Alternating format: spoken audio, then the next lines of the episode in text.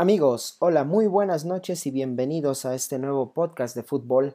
Tengan muy buenas tardes, mañanas, noches, donde sea que nos quiera que nos estén escuchando. Les doy la, más cordial bienvenida a este nuevo podcast, podcast de la Liga MX. Bien, vamos a empezar con esta nueva aventura que para mí es algo, algo nuevo, ¿sale? Vamos a analizar un poquito acerca de la fecha número 3 del torneo Clausura 2020 el cual se jugó ya este fin de semana. Muchas noticias acerca de, los equipos de la Liga MX, independientemente de la, de la fecha 3. Sale, también ya se jugó ayer la Copa MX con participación de algunos, algunos equipos. En ellos, pues ah, muchos dicen que es fracaso, otros dicen que es tropiezo. No sé cómo manejarlo, lo que pasa en Chivas. Sin embargo, pues ya hablaremos acerca de este, de este equipo. Vamos a hacer un pequeño análisis, compañeros, amigos, desde, desde este podcast de la fecha número 3. La fecha número 3 empezó este viernes con Querétaro y Puebla. Dos equipos que desde el torneo pasado el equipo de Querétaro venía mostrando buenas cosas, venía jugando muy bien de la mano de Víctor Manuel Bucetich. Le quitaron jugadores, eh, cabe resaltar, eh, lo más, lo más, este, lo más sonado, ¿no? Que se fue a Rayados de Monterrey. Bueno, Puebla y Querétaro, eh, un partido algo, algo soso, algo aburrido por momentos, ya que ambos equipos pues mostraban, mostraban cierta precaución ¿no? en, durante el encuentro. Sin embargo, pues el equipo de Querétaro se iba a llevar la victoria a raíz de, una, de un error de un error de, de, de Dani Arriola, ¿sale? Y vemos ah, aproximaciones, de verdad, aproximaciones del, del, equipo poblano que estuvo dominando en algunas partes, algunos lapsos del, del, del, partido. Sin embargo, pues el resultado se vio adverso con llegadas de Saldívar, llegadas de, de Tabó, eh, sin embargo, el arquero también del equipo de Querétaro se mostró sólido en la parte de, la parte de abajo. Y después viene la, jugada desafortunada en la cual eh, Dani Arreola termina metiendo ese autogol que le daría la victoria al equipo de Querétaro. Eh, un Querétaro que todavía no se le ve al máximo nivel. El torneo pasado, insisto, me gustó por momentos el equipo queretano durante su participación en el torneo pasado. Sin embargo, pues incorporaciones que apenas se van, se van adaptando en el caso de, de, de, algunos refuerzos, como por ejemplo lo fue este Nahuelpan, se me iba el nombre, perdón.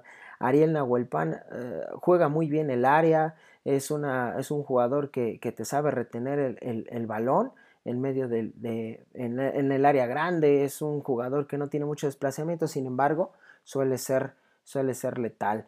Este, también eh, el arquero poblano, fue factor para que el equipo queretaro no pudiera anotar más goles. Entonces, también el equipo, el equipo de, de Puebla, pues mostró un poquito más de displicencia y Querétaro se encontró con aquel error y pues bueno, ¿sale?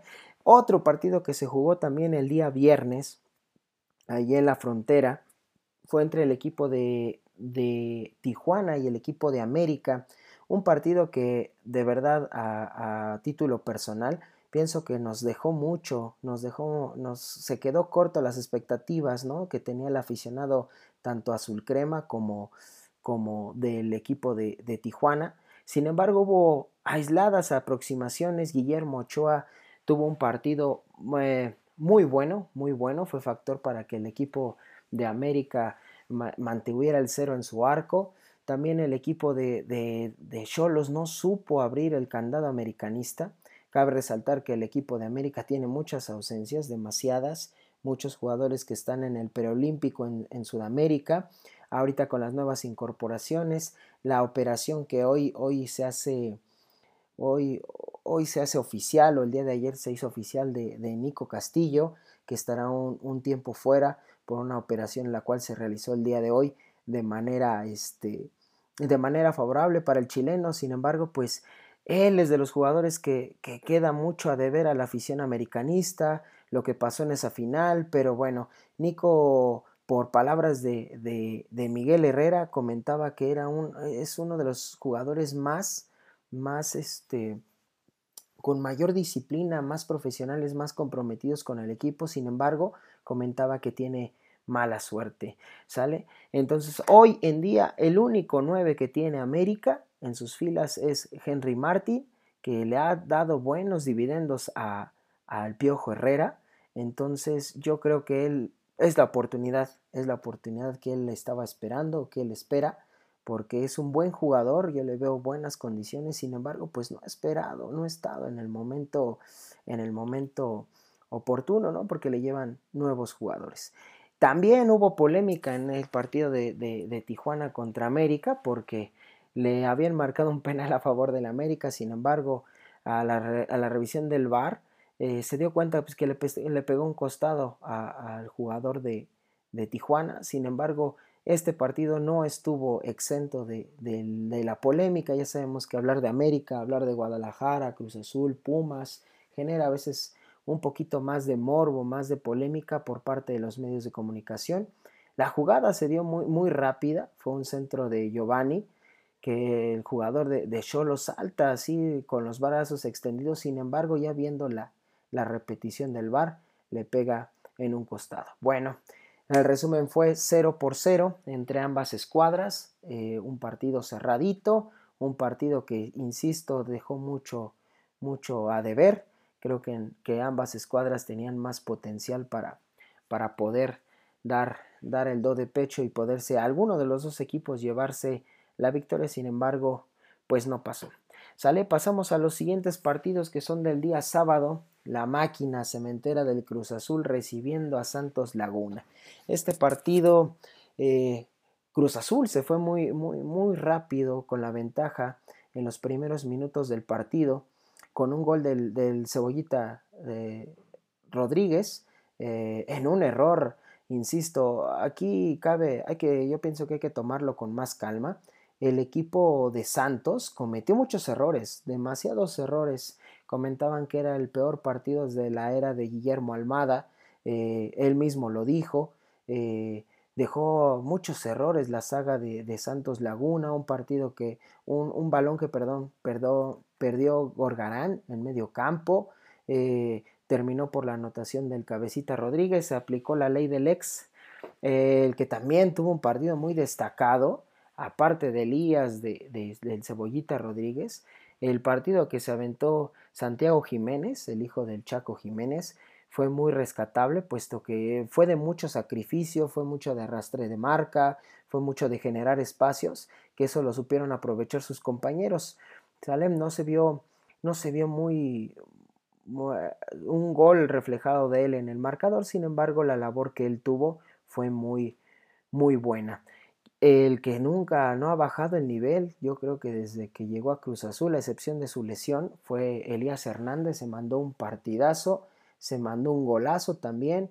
Y el último gol de Romo, eh, ex de, de Querétaro, si no me equivoco, eh, terminó cerrando esa, ese, ese, ese marcador lapidario para, para, el equipo de Santos que no se encuentra en, liga, no termina por, por amalgamar este, este equipo este, con sus incorporaciones. El defensa central Torres me parece un error garrafal que, terminó siendo el tercer gol de, Cruz Azul.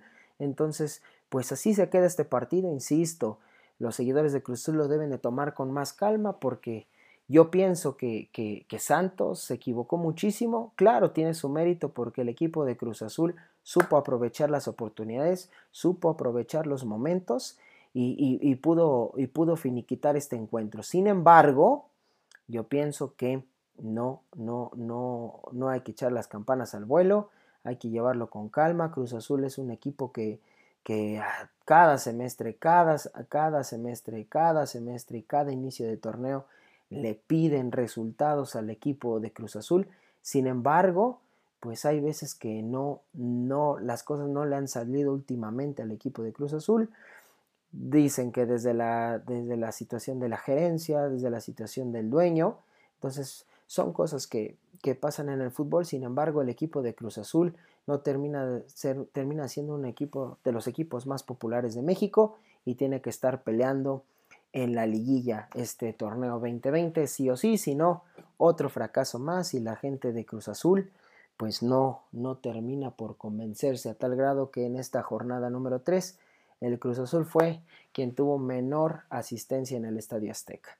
Un tema difícil, complicado, también la situación de este, de este muchacho brasileño o ya que terminó de no pasar los, los exámenes médicos, pero bueno, eso ya lo, platicaremos en otro momento. Otro partido que hubo el fin de semana en la Sultana del Norte fue entre Tigres y Atlas.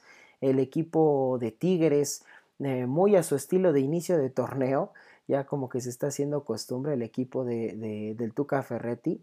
Las primeras fechas no termina de jugar al 100% a, a lo que el plantel de Tigres es capaz eh, un, muy, muy buen gol de, de Quiñones a los 34 minutos a velocidad pura, a lo que este jugador nos tiene acostumbrado. Así venciendo al, a Camilo Vargas, eh, también se lanzó un, partido destacado, el, colombiano.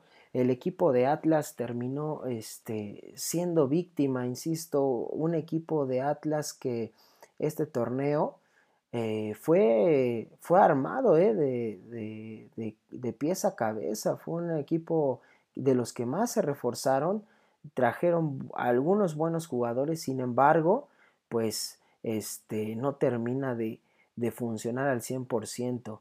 También otra descolgada que tuvo el equipo atlista en, en el primer tiempo, en el cual este, no pudieron concretar. Eh, esa era una oportunidad clara del equipo del equipo del Atlas. Sin embargo, pues no, no, no, no tuvieron un resultado positivo. Destaco la participación de Conti, este defensa central argentino que se trajo el equipo de, de, este, de Atlas, muy buen central, a mi parecer, muy tiempista, con una muy buena, muy buena participación. Sin embargo, pues el equipo de, de, Tigres se mostró se mostró fuerte en su campo, como nos tiene acostumbrado el equipo del Tuca Ferretti. Eh, también la polémica del VAR, ese bendito VAR que muchas veces nos afecta, dicen que no se utiliza como debería de ser. Y marcaron un penal a favor del equipo de Atlas. Y al minuto 49, eh, Geraldino, otro jugador de refuerzo del equipo rojinegro, que a mí también, a mi, a mi gusto, es un tipo fuerte, es un tipo que te retiene, que te retiene la pelota, es un equipo, es un jugador, perdón, que, que, sabe jugar su área, entonces es un, eh, es un buen elemento, sin embargo, pues el equipo de Atlas no terminó, no terminó por, por, por amalgamar todos esos, esos jugadores que trajo para este torneo y tuvo una, una, una derrota en Monterrey, a manos de los Tigres, con señor André Pierre Guignac, que también este, los jugadores de Tigres apelaban al fuera de lugar, sin embargo, en el gol de Guignac pues, viene de un defensor, eh, perdón, de un delantero, en este caso Geraldino, por quererse eh, apoyar en su, en su defensa, terminó regalándole el balón al, al, francés y así terminó por liquidar el partido.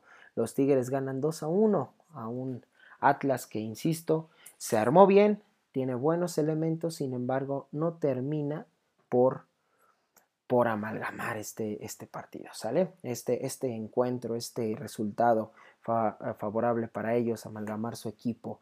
Y seguimos a un partido también del sábado en el Bajío, en la casa de León. El León recibía al Pachuca, un Pachuca que de verdad no le veo ni pies ni cabeza. Eh, un Pachuca que contra Chivas jugó bien, aceptable el equipo de Pesolano.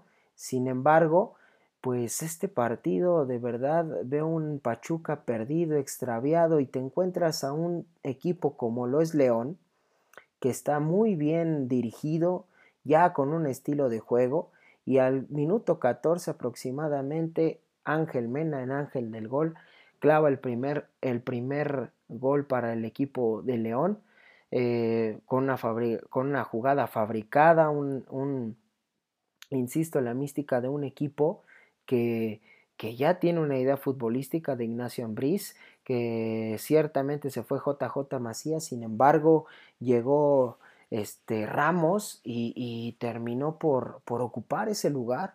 Yo pienso que a, raíz de estas tres fechas, obviamente falta un mundo de torneo, eh, Ramos va a ser factor para que, para que León pueda tener un, muy buen accionar en, en, el, en, en, su, en su línea ofensiva.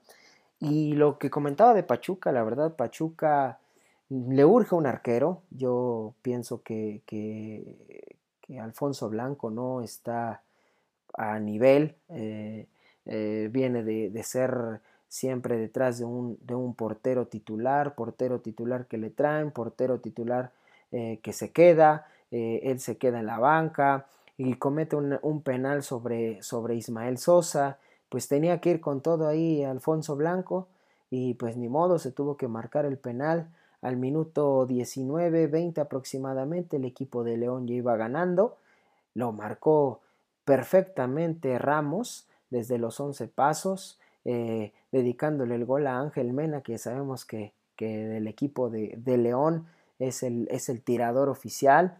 Entonces eh, Pachuca hizo sus cambios, entró el cachito Sousa, este, ah, hubo un cambio de dinamismo, es un jugador rápido, es interesante, sin embargo, pienso que juega muy, muy revolucionado. Eh, y el equipo de León, amo y señor del, partido, y como nota, nota aparte lo que pasó con, con Eugenio Pisuto, un, un, jovencito de 17 años, tercer mejor jugador en el Mundial Sub-17 que se efectuó en el año pasado, que la selección mexicana perdió contra el equipo de Brasil pues una, una lesión desafortunada para, para el muchacho que lleva 17 minutos en el campo. Y bueno, esperando que se recupere lo más pronto posible. Eh, es un muchacho con muy buenas condiciones, es un muchacho fino, elegante en media campo. Yo lo vi en el, en el Mundial de, del Sub-17 el año pasado y de los más destacados en el equipo eh, de, de, México. Entonces, pues esperemos que se recupere porque se vea una imagen, híjole, escalofriante, que, que, que la estuvieron pase y pase el fin de semana y, y pues te quedas así con, con el amargo sabor de boca de este muchacho. Sin embargo, pues, pues así las cosas con este, con este partido entre, entre el equipo de Pachuca y, León. Pachuca mucho que mejorar. León seguramente va a ser protagonista durante este torneo y seguramente si no pasa algo extraño, igual y lo vemos en la liguilla, pero en este torneo todo, todo puede pasar. Y también para cerrar ya la jornada sabatina, Guadalajara contra Toluca, unas chivas que, que tienen lesiones, eh, en el caso de Alexis, Alexis, en el caso de, de JJ Macías, eh, entonces el equipo de, Chivas se enfrentó a un Toluca, un Toluca que con José Manuel de la Torre ya se le ve otro, otro rostro a este equipo choricero que no se le vio con, con este, la Volpe el, semestre pasado. Eh, un equipo, ahorita yo lo veo un poco más ordenado, más agresivo, teniendo buenas incorporaciones, Alexis Canelo, eh, al minuto 15 las Chivas tuvieron la, la, oportunidad de adelantarse en el marcador después de un, de un, error garrafal del defensa central Choricero que no pudo controlar el balón, sin embargo no pudieron aprovechar esa oportunidad eh, y, el, y, el, equipo de, de, Chivas también a raíz de, de una expulsión de Cisneros terminó pidiendo la hora pidiendo la hora porque si yo creo que, podía haber perdido ese, ese, ese, partido, un golazo de Beltrán, de verdad, un golazo de Beltrán al minuto 19, abría los cartones en el partido, la tomó de aire dentro del área grande después de un servicio de su compañero, me parece que fue Cisneros quien se la dio de, de pecho y antes de que cayera Beltrán la pescó y se, se mandó un golazo. Ese muchacho también en medio campo le da mucha estabilidad al equipo de, Chivas, mucha estabilidad. Eh, escuchaba medios de comunicación aquí en México y decían que las chivas, super chivas y todo eso, yo pienso que, que, que Chivas es un equipo que obviamente busca tener protagonismo, sí, pues es uno de los más populares de México, sin embargo, pues obviamente cuando tienes nuevos jugadores tienes que esperar a que esos jugadores se adapten lo más pronto posible a la, a la idea futbolística de Luis Fernando Tena, ¿no? Entonces, Vemos también en el eh, tuvieron otra oportunidad muy muy muy ah, muy muy buena el equipo de Chivas saliendo limpiamente desde abajo al, al, minuto 26 Cisneros tuvo para finiquitar y meter el segundo tanto sin embargo eh, no, no pudieron concretar las, las oportunidades que tuvieron Toluca eh, las Chivas iban ganando después Toluca los alcanzó y les, les como les comentaba pues terminaron pidiendo la hora el equipo de las Chivas Rayadas del Guadalajara. Entonces, 2 a 2 entre Toluca y, y, las Chivas, 2 a 2 entre el Toluca y las Chivas. Insisto, hay que tener paciencia en el proyecto de Chivas, hay que tener paciencia, también hubo mucha, mucha polémica por un penal este, que no se le marcó a, a, a, Toluca, entonces pues bueno, eh, hay que tener paciencia para ver lo que va, lo que van a generar las Chivas. Yo sé que los aficionados igual ya no tienen mucha paciencia, sin embargo, pues yo creo que tienen un muy, buen equipo con el cual van a poder competir en este torneo 2020. Y ya veremos, platicaremos más adelantito acerca de la copa que apenas pasó el día de ayer, el día de ayer martes, con, con algunos encuentros. Y ya en la jornada dominical, los Pumas los Pumas en CU, los Pumas de Michel vencieron 1-0 al, Monterrey. 1-0 el Monterrey. Eh, el equipo de Monterrey también muy, muy poco tiempo de preparación. 15 días después de lo que fue el Mundial de Clubes, ganar la final contra el equipo de América en diciembre pasado.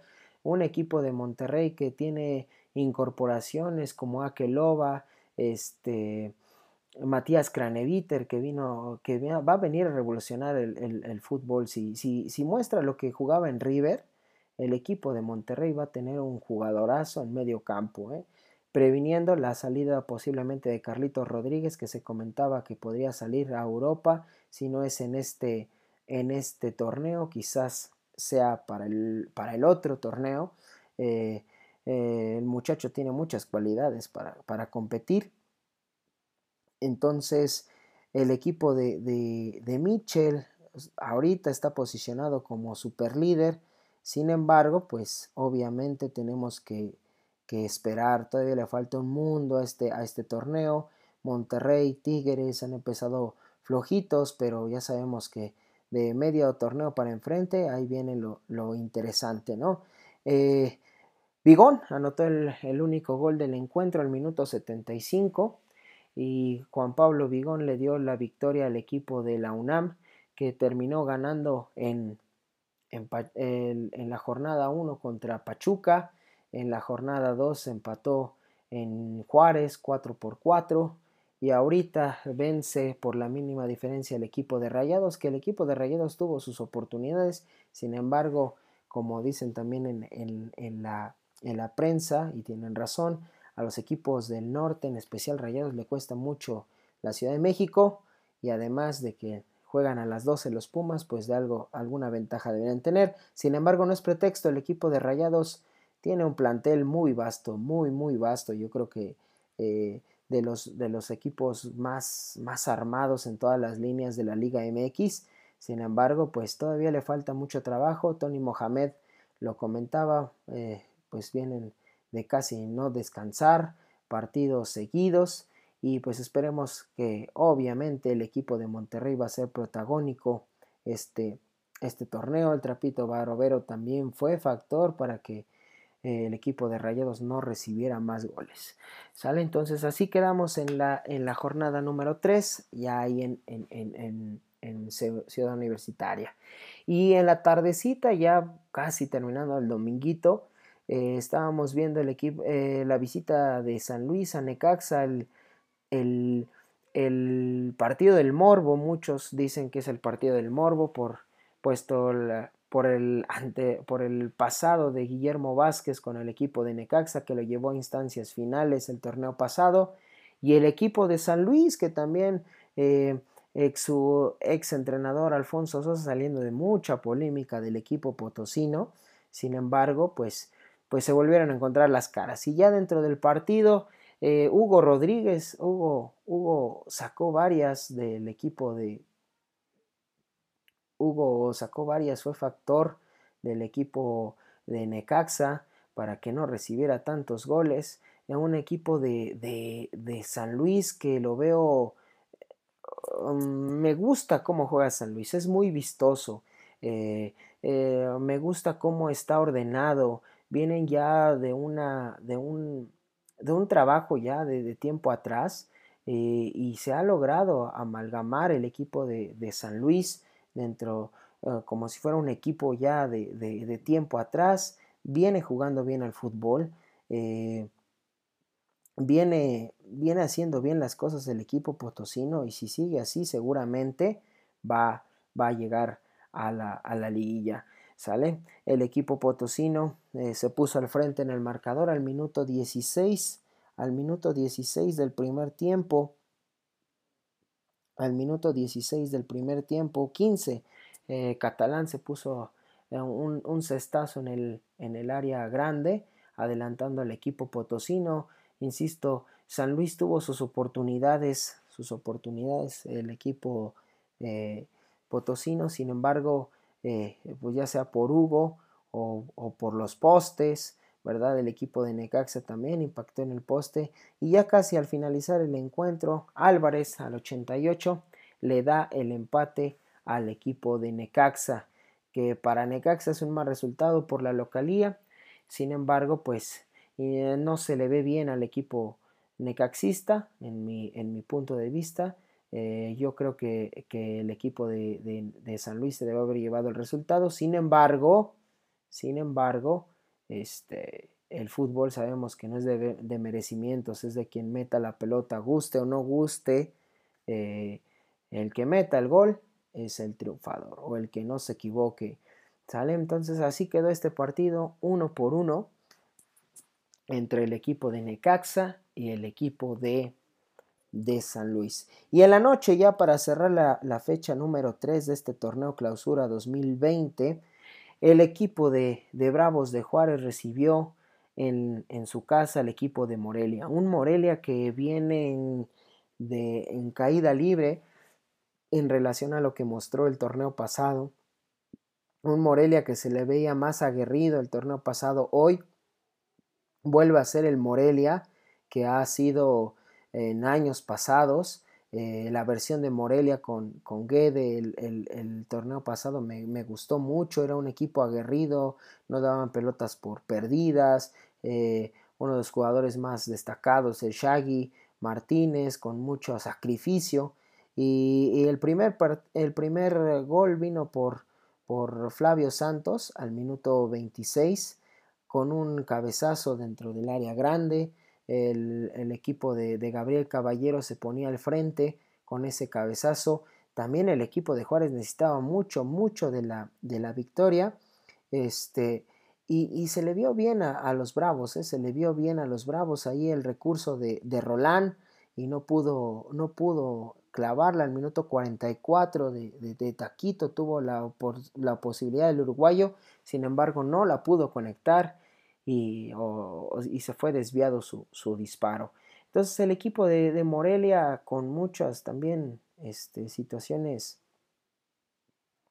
eh, que pudo generar muy pocas situaciones, mejor dicho, y el equipo de, Morelia, de, perdón, de, Juárez se puso también al frente ya al minuto 52 por un penal que le cometen ahí a, este, al escano y él es el mismo es el que cobra el penal al minuto 52 el equipo de Juárez, el equipo de Gabriel Caballero ya se ponía 2, 2 por 0. Y ya para terminar eh, este resultado, Rolán al minuto 63 ponía el 3 por 0 para el equipo de, de, Juárez. Eh, se le vio bien al equipo de Juárez, se le vio bien Morelia, eh, pues un poco preocupante la situación porque es un equipo que, que tiene condiciones, lo mostró el torneo pasado y pues esta vez ha sido como que la excepción. Eh, no se le ha visto bien al Morelia, Juárez logra tener un, resultado un resultado favorable. Pues bueno, así las cosas eh, en, la, en cuanto a la Liga MX. La jornada 4 va a empezar el día viernes eh, con el Atlético San Luis contra Chivas. Le toca la visita a las Chivas a San Luis Potosí. El Atlas va a recibir a Tijuana en el Estadio Jalisco. Monterrey recibe a Querétaro desde el Gigante de Acero. Morelia contra León, un partido complicado para el equipo de Morelia, puesto que León viene mostrando buenas cosas, pero en el fútbol no hay nada escrito. En el, el equipo de Hidrorrayos del Necaxa van a recibir al equipo de Puebla. Esto ya es para el sábado. El equipo de Pachuca va a recibir una dura, pero muy dura visita de los Tigres. Eh, también para el día sábado tenemos el Santos contra Pumas y América contra, contra Juárez. Y ya para el domingo 2 de febrero, día de la Candelaria, solamente un solo partido. Los choriceros del Toluca, los Diablos Rojos del Toluca reciben a la máquina cementera de Cruz Azul. ¿Sale? Esa va a ser nuestra, nuestra fecha número 4. Estaremos platicando con ustedes el próximo lunes acerca de esta, de esta fecha. Eh, para mí, el mejor partido que pasó este, este fin de semana.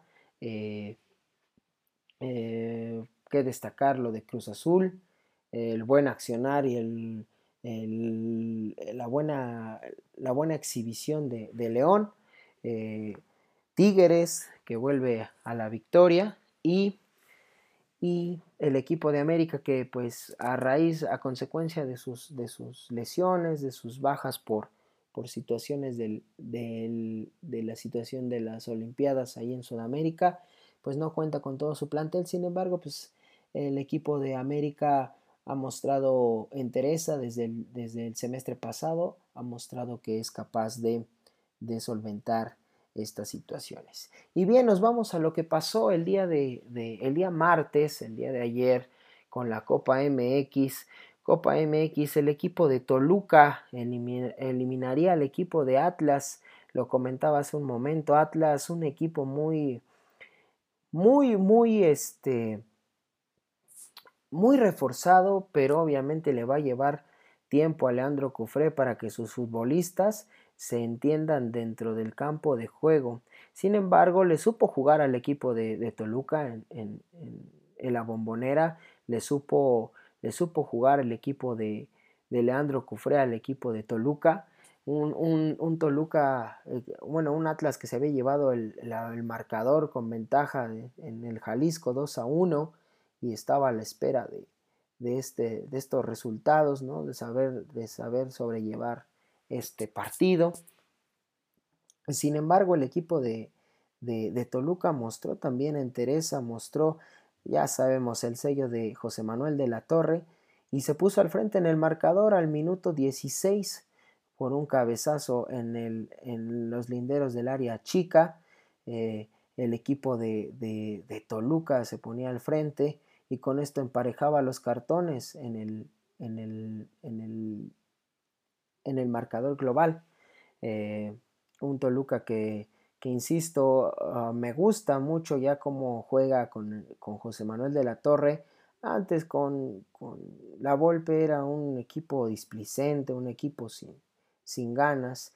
Y después iba a pasar un, golazo, un golazo de tiro libre al ángulo, imposible para Talavera, eh, muy esquinado, muy bien marcado, un de verdad un golazo. Con eso el equipo de, Atlas empataba el encuentro con, gol de Correa.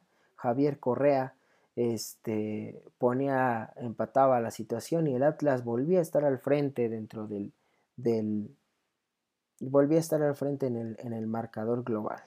Entonces, con este resultado obviamente pasaba el equipo, el equipo de Atlas el equipo de Atlas. Sin embargo, el equipo de, Toluca no se iba a quedar con los brazos cruzados, iba a buscar pues la, la,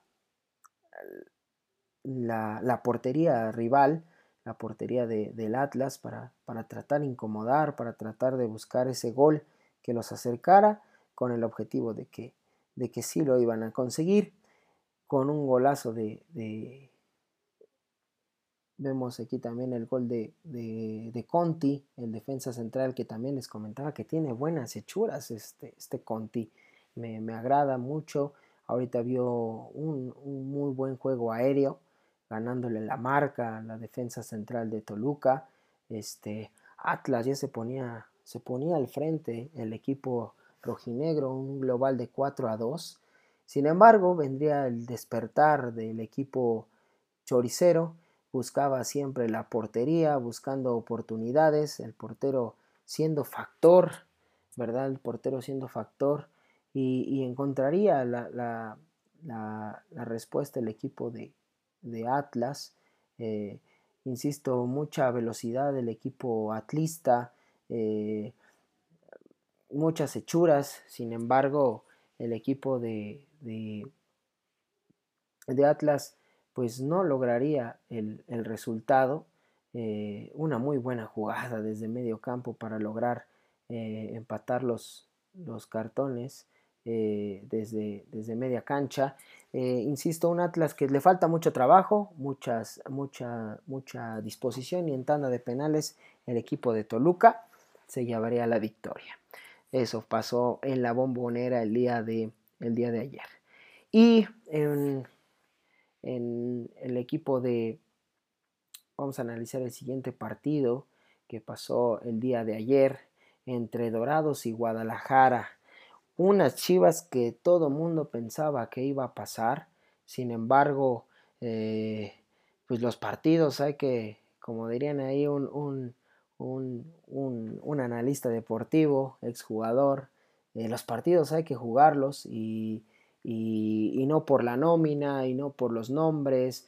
Un partido no se gana con nombres, se gana con, con, mucho sacrificio, con mucho trabajo, como el que tuvo el equipo de Dorados, que se vio muy superior al equipo de, de, Chivas en, en, su casa, en el Jalisco.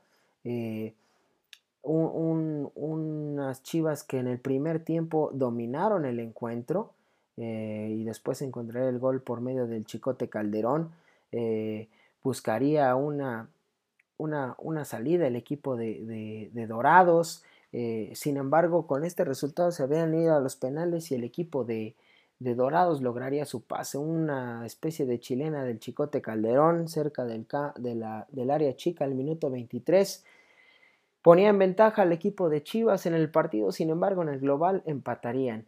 Y durante el segundo tiempo yo vi un poco mejor al equipo de Dorados, un equipo de Dorados que que, que, con Diego Armando Maradona mostraba una imagen de, un equipo aguerrido y ahorita con Patiño no ha perdido esa mística. Yo creo que no le espantó en las famosas chivas que tenían enfrente. E insisto, el equipo de Guadalajara nos tenemos que tener paciencia. Es un equipo que se armó, se armó bien, se armó en cada, en, en, cada, de las, en cada una de las líneas. Eh, mucho trabajo. Peláez también, eh, luego, luego se ve la mano que él tiene dentro de, una organización deportiva.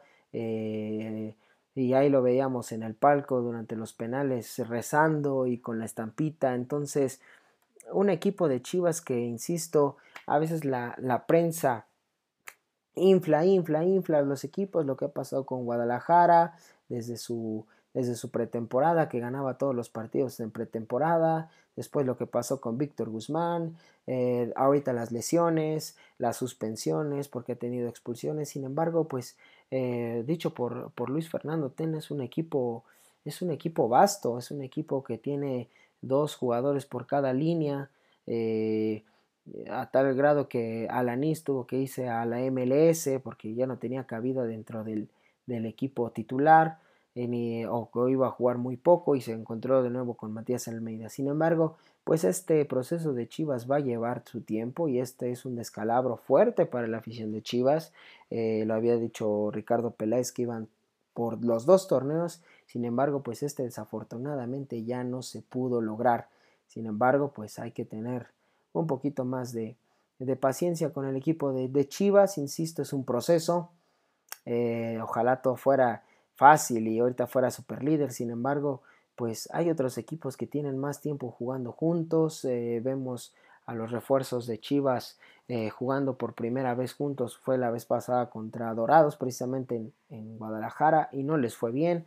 Insisto, es un, es un, es un tema de, mucha, de mucha paciencia con el equipo de, Chivas. El que termina fallando el penal es, es Ponce y con eso logra el pase el equipo de, de Dorados.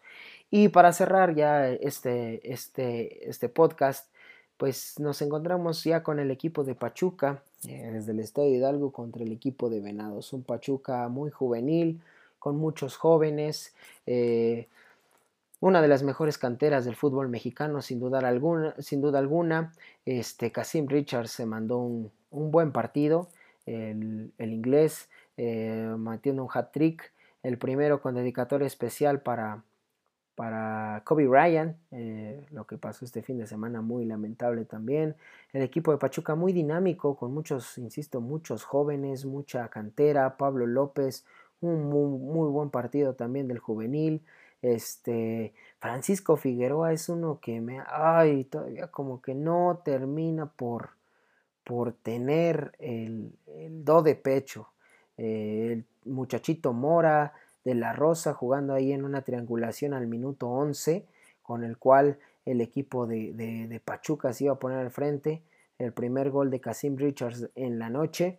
Este, un, Pachuca que se ve diferente ahorita en Copa, sin, embargo en Liga ha dejado mucho, mucho que desear. Eh, ahorita dándole la oportunidad a sus, a sus jóvenes, a su cantera. Eh, ese es de hecho el proyecto de los Sus del Pachuca este torneo. Eh, no se reforzaron del todo bien para, para darle oportunidad a los muchachos. Se comentaba que la mayoría iba a ser eh, un plantel mexicano. Sin embargo, obviamente con sus extranjeros, ¿no? que son de, peso, el equipo de Venados tuvo muy pocas aproximaciones. Eh, después entró Rubens Zambuesas y nosotros sabemos lo que juega Rubens. Hoy en día les puedo decir que, que Rubens es, es, es, el cerebro del equipo, es, quien, quien, transporta la, la, la, pelota, pasa mucho juego por él. Lo que también veo con ahorita con Pesolano es que el equipo de Pachuca quiere salir jugando desde abajo, mucho toque. El segundo gol de Casim Richards, una, un, un, un sombrerito sobre el defensa central, un control exquisito y terminó eh, vacunando al portero en, su segundo de la noche, un, muy buen gol. Pero insisto, esto debe de pasar en la liga. Esto también debe de pasar en la liga. El equipo de Venados también anotó su, su tanto eh, casi después del golazo de Casim Richards. Ponía 2 a 1 al equipo de, de, Venados. 3, 3, a, 3 a 2 el global. El equipo de Pachuca insistía, Rubén Zambuesa con un muy buen tiro libre, pasó muy cerca de la cabaña de, Venados. Y el equipo de Pachuca, pues bueno, se lleva a su victoria y está confirmado que irían en la siguiente ronda contra el equipo de Toluca, eh, contra los Diablos Rojos del Toluca, esperando pues obviamente lo que pase hoy en la, en la Copa. Mañana estaremos platicando acerca, acerca de lo que pasará el día de hoy en la Copa. Bueno, pues esto sería todo el análisis que hasta el momento llevamos. Al momento llevamos con la fecha 3 del torneo 2020, que empezó apenas hace unas tres semanas. Eh, yo estaré ya con, con un, un, compañero la próxima semana. Esperemos que este podcast les haya, les haya agradado y les deseo una excelente noche, tarde, mañana, donde sea que nos quieran, que nos estén escuchando y esperemos vernos próximamente, escucharnos próximamente con lo que va a ser la, segunda jornada de la Copa MX, eh, el previo a los partidos de este fin de semana, que van a haber partidos interesantes, eh, partidos algunos disparejos, otros que se espera mucho, pero hay que, hay que disfrutar este fin de semana y ya lo platicaremos el día lunes con un análisis un poquito más profundo. Esperemos ya con, con nuestro compañero aquí a un lado para poder analizar un poquito más acerca de la Liga MX en esta jornada número 3. Nos vemos pronto, cuídense, saludos, Chao. Hola amigos, ¿qué tal? Muy buenas noches, sean ustedes bienvenidos a este podcast, este podcast del fútbol mexicano, solamente para los amantes de este bello deporte que se practica en nuestro país, en México. Ya se jugó la fecha número 5 del torneo, la fecha número 5 de este torneo, lo cual nos arroja partidos interesantes que pasaron apenas este fin de semana. Desde el jueves, señoras y señores, hay partidos en la, en la primera división en México desde el día jueves empezamos con esta jornada. Sin embargo, pues nos dejaron partidos buenos, otros medios aburridos, ¿verdad? Otros que, que, que esperábamos más acerca de estos equipos. Sin embargo, pues las situaciones en este momento en la Liga MX están de esta forma.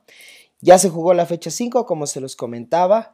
Así, a grandes, a grandes rasgos, el equipo de Monterrey es colero de la tabla general de este torneo. Eh, tiene apenas dos puntos el equipo de Rayados de Monterrey, el actual campeón del fútbol mexicano. Eh, no han tenido descanso. Eh, no han tenido descanso los jugadores del Monterrey. Desde diciembre hasta febrero no han tenido descanso. Van a jugar este, Mañana van a empezar los partidos de Copa MX, los partidos de ida. Entonces el equipo de Rayados no ha tenido un buen inicio del torneo. Lo mismo pasa con los usos del Pachuca, Puebla, Morelia, que están empatados con cuatro unidades. Solamente la diferencia de goles es la que los, los mueve de esta forma. Entonces, es por eso que hoy vamos a analizar qué fue lo que pasó durante esta, esta liga MX estos equipos, tanto Pachuca, Puebla y Morelia, pues sigan estando ahí en la parte, en la parte final de la tabla. Un Pachuca pues que ha dejado mucho que deber, lo mismo Puebla. Puebla ya ha sido un poco más constante en los malos torneos. Este, el equipo de Morelia también, eh, un, un, cambio que tuvo eh, a, a, raíz de este, del torneo pasado, comparación del torneo pasado, el equipo de Morelia no has sabido ser el equipo protagonista que lo fue el torneo pasado. Tijuana y Santos con 5 unidades están en el lugar 13 Santos, 14 Tijuana.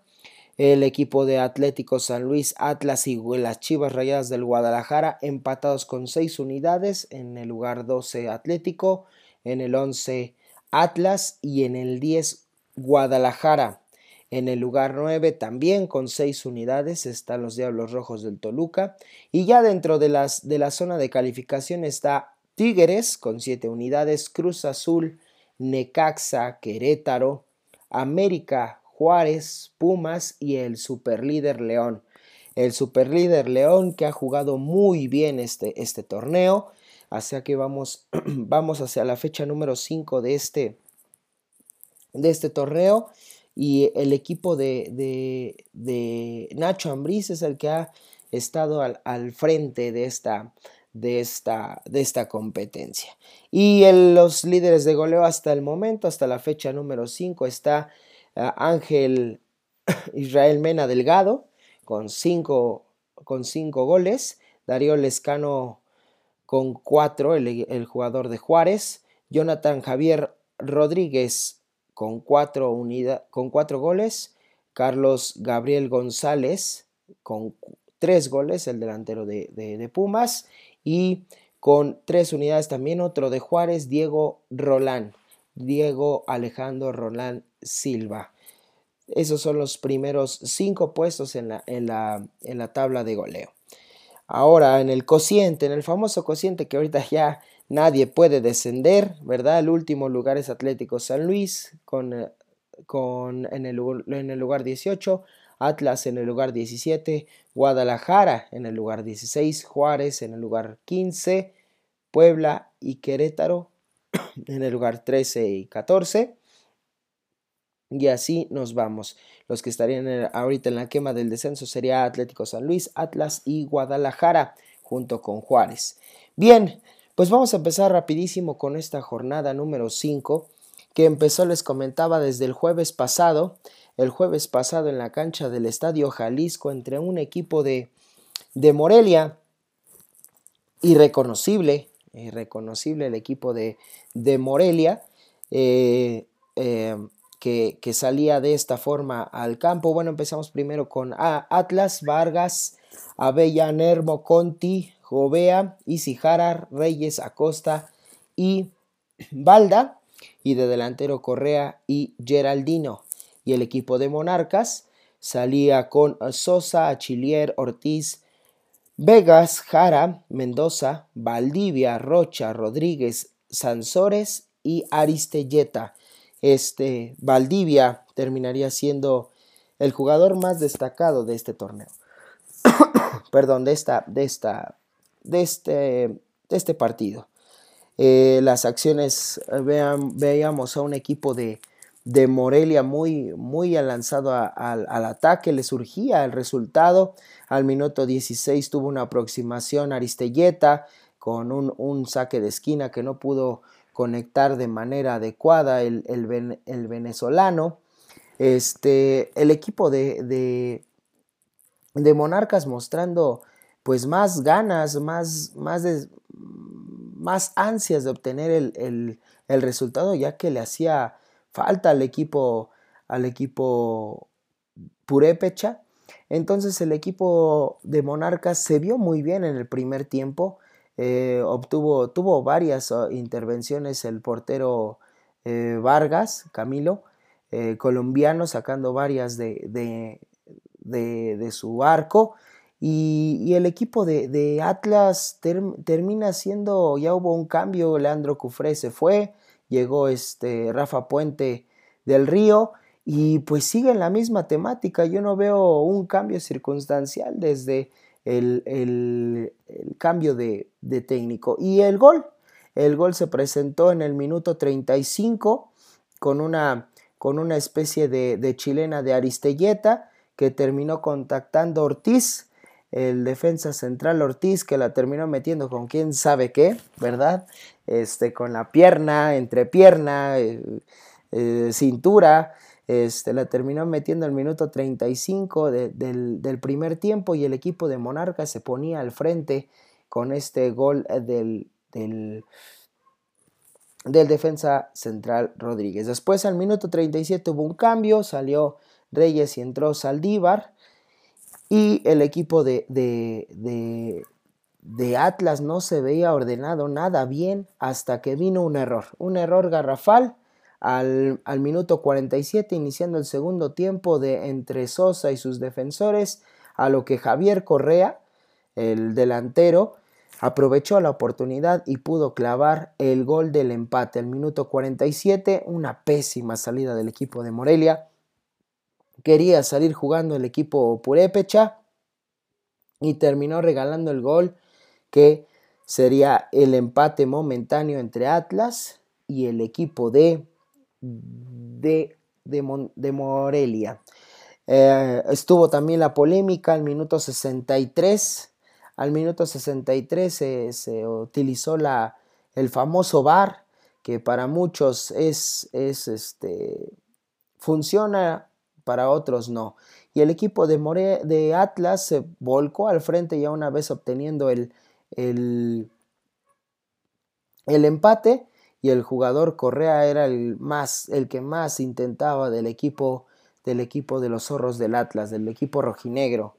Hubo un córner el cual este generaría una una una vista desde el bar, había una mano de parece que de Sansores, le había pegado el balón en la mano a Sansores. El árbitro al minuto 63, como les comentaba, checó el bar y marcó la pena máxima a favor del equipo de Atlas. Y vendría Geraldino, pero no tenía, no, no, no contaba con la, con la figura de, de Sosa, que terminaría atajando ese penal que significaría la derrota del equipo de Atlas. Geraldino lo pronunció mucho. Sosa es, un, es un portero con mucha experiencia, con un buen físico, con buena estatura. Y al minuto 71 vendría el segundo gol del equipo de Morelia por parte de Achillier, con una especie como de palomita. Ya el, el jugador estaba rendido y terminó eh, empujando el balón en, los linderos del área chica para, para poner el 2 a 1 a favor del equipo de Morelia. Al minuto 75 sería amonestado a Costa del equipo de Atlas y también habría un cambio en minuto 76, saldría Isijara y entraría Cuero para, para, este, para el equipo de Atlas. Al, al minuto 79 el equipo de Morelia haría un cambio, saldría Rodríguez y entraría Villafañez al minuto 79. Al 81 tendría una tarjeta amarilla Torres del el equipo de Atlas. Y al minuto después, el mismo Torres sería expulsado por una entrada que también tuvo que, ver, tuvo que ser revisada por, por el VAR. El equipo de, de Morelia insistía, insistía, el equipo, perdón, el equipo de Atlas hasta que pues no pudo más el equipo eh, de Atlas aguantar el resultado. Vendría una serie de rebotes, el mago Valdivia, este, Vargas, Camilo Vargas estaba muy atento en su arco. El equipo de Atlas volcado al frente, mientras que el equipo de Morelia trataba de cascar una en la cual pues le diera la ventaja. Y pasó, pasó esa jugada al minuto 88, un gran desdoble del equipo de Morelia, recibiría el, balón el mago Valdivia que se metería al, al área y entre tres jugadores de Atlas daría un bomboncito para que llegara Aristelleta, el venezolano, para poner los cartones definitivos en este partido entre Atlas y Morelia. El partido pues tuvo expulsiones, tuvo controversia por el VAR y así pasó el jueves en la Perla, en la Perla Tapatía entre Atlas y el equipo de Morelia el equipo de Morelia. Y después el día viernes, ya viernesito, ya inicio de, fin de semana, desde el estadio Cuauhtémoc casi vacío, una, una, entrada muy, muy, muy floja. El equipo de Puebla recibiría al equipo de Santos Laguna, un Santos que quiere levantar, no quiere levantar, está displicente el funcionamiento de Santos Laguna todavía no se logra sentar en este torneo y un Puebla que pues en realidad no tendría mucho mucho de dónde viene, insisto, vienen siendo torneo tras torneo que el equipo poblano no es protagonista. Al minuto 19 Rodríguez llevaría Hugo Rodríguez se llevaría tarjetón amarillo, al 26 Reyes por parte del Puebla, un partido con mucha llegada del equipo poblano que fue en el primer tiempo quien intentó, intentó llegar más a la, al, al, área, al área opuesta. Vendrían contragolpes del equipo de Santos también y no, habría, no habían podido concretar. Viconi se soltó un partidazo, señores y señores, como ya nos tiene acostumbrado el arquero uruguayo que para una tras otra y sigue siendo figura. Dicen que cuando el portero es figura en tu equipo es que algo no marcha bien. Y entonces el equipo de, Puebla al minuto 13 también tuvo su llegada por parte de Saldívar, ex Chiva, que terminó sacando este Jonathan Orozco, también de una destacada actuación del Spider-Man, el Spider-Man Jonathan Orozco, el equipo de Puebla intentaba al minuto 25, llegaría otra jugada por parte de, de Chumacero, sin embargo, se iría, ah no, Osvaldito Martínez, Osvaldito Martínez llegaba al área de Santos, primer tiempo muy peleado en medio campo, el equipo de Puebla y el equipo de Santos trataban de abrir sus, sus, sus este, ofensivas para, para lograr el, los ataques, el equipo de, Puebla tendría otra opción más, otra opción más con Saldívar, que, que terminaría este, lastimado, terminaría arrollado por uno de sus compañeros. El equipo de Puebla intentaba hasta que el minuto 43 con una muy buena jugada. El equipo de, de Santos encontraría el gol por, por medio de Julio César Furch, este jugador argentino que llegaría para los, para los tiburones rojos del Veracruz. Pondría el 1 a 0 al minuto 43, justo cuando el equipo de, este, de Puebla llegaba más, llegaba más y, no podía concretar. Pues eso pasó de manera contraria. Ya en el segundo tiempo, en el segundo tiempo habría un, un, un, gol muy extraño de Osvaldito Martínez, una defensa que se abre, cual defensa del barrio, de los partidos de retita que les dio yo creo el miedo el balón, se abrió se abrió totalmente y Osvaldito Martínez aprovecha ese, ese resquicio que dejó la defensa. ¿Cuál digo resquicio? Un, un, hoyo enorme que dejó la defensa. Y al minuto 50 pondría el empate para el equipo poblano. Al minuto 44 Quintana de, de Santos saldría expulsado. Eh, en el segundo tiempo, a inicio del segundo tiempo, antes del gol, entraría Chumacero por, por el polaco Menéndez. Y así las cosas. Y el equipo de Santos no bajaba los brazos, no bajaba la intensidad, intentaba, buscaba por medio de, de su delantera, por medio de, de, de cuero, de, este jugador, eh, intentaba los disparos, intentaba tratar de abrir el, el marco de, Viconis. Y, el, y se salvó también el equipo poblano de un posible Gol olímpico al minuto 65. Casi, casi sorprenden a, al arquero poblano. Eh, llegaría el, un autogol, gol en contra de, de Acosta al minuto 72. Al minuto 72 el equipo de Santos con mucha suerte, mucha, mucha suerte, metería el 2 a 1 por medio de un autogol. De todas maneras, si, no la, si la metía a Costa, seguramente le iba a meter los otros dos jugadores que estaban a las espaldas de este defensor poblano. Ya había salido Aguirre, ya había entrado Valdés, había entrado perdón, había salido Saldívar y había entrado González. Se salvaba el equipo poblano. Diego Valdés tuvo una y la sacaba Viconis la sacaba Viconis, un paradón que también se aventó este, este arquero uruguayo de ya muy buenas temporadas, el, jugador de, Puebla, y ha tenido sus, sus, sus, momentos de lucidez Viconis.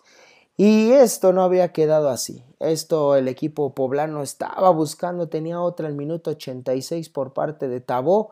Tabó se metía al área, buscaba a Osvaldito y la mandaba a la décima fila del, estadio Cuauhtémoc, eh, el equipo de, Puebla tendría el destino en sus manos. Eh.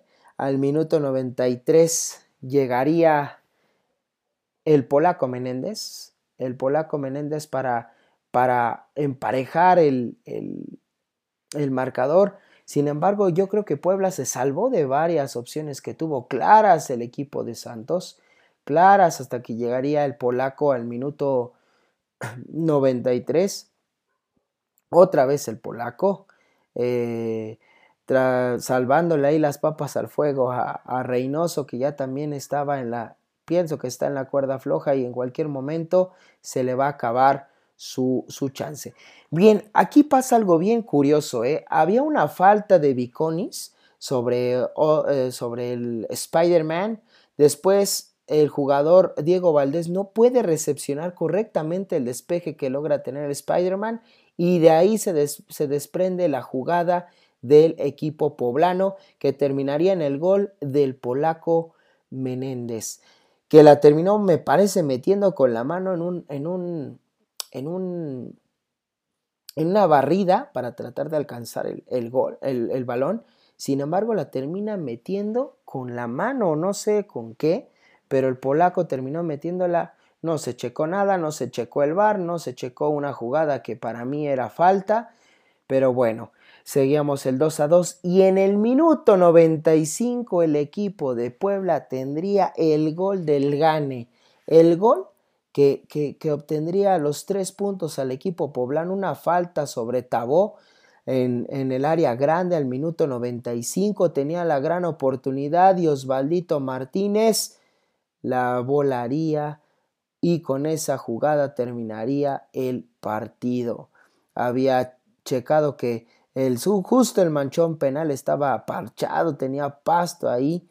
Eh, pues mala suerte para el equipo poblano, ni modo. Así es esto y reparten unidades el equipo poblano y Santos Laguna de Torreón.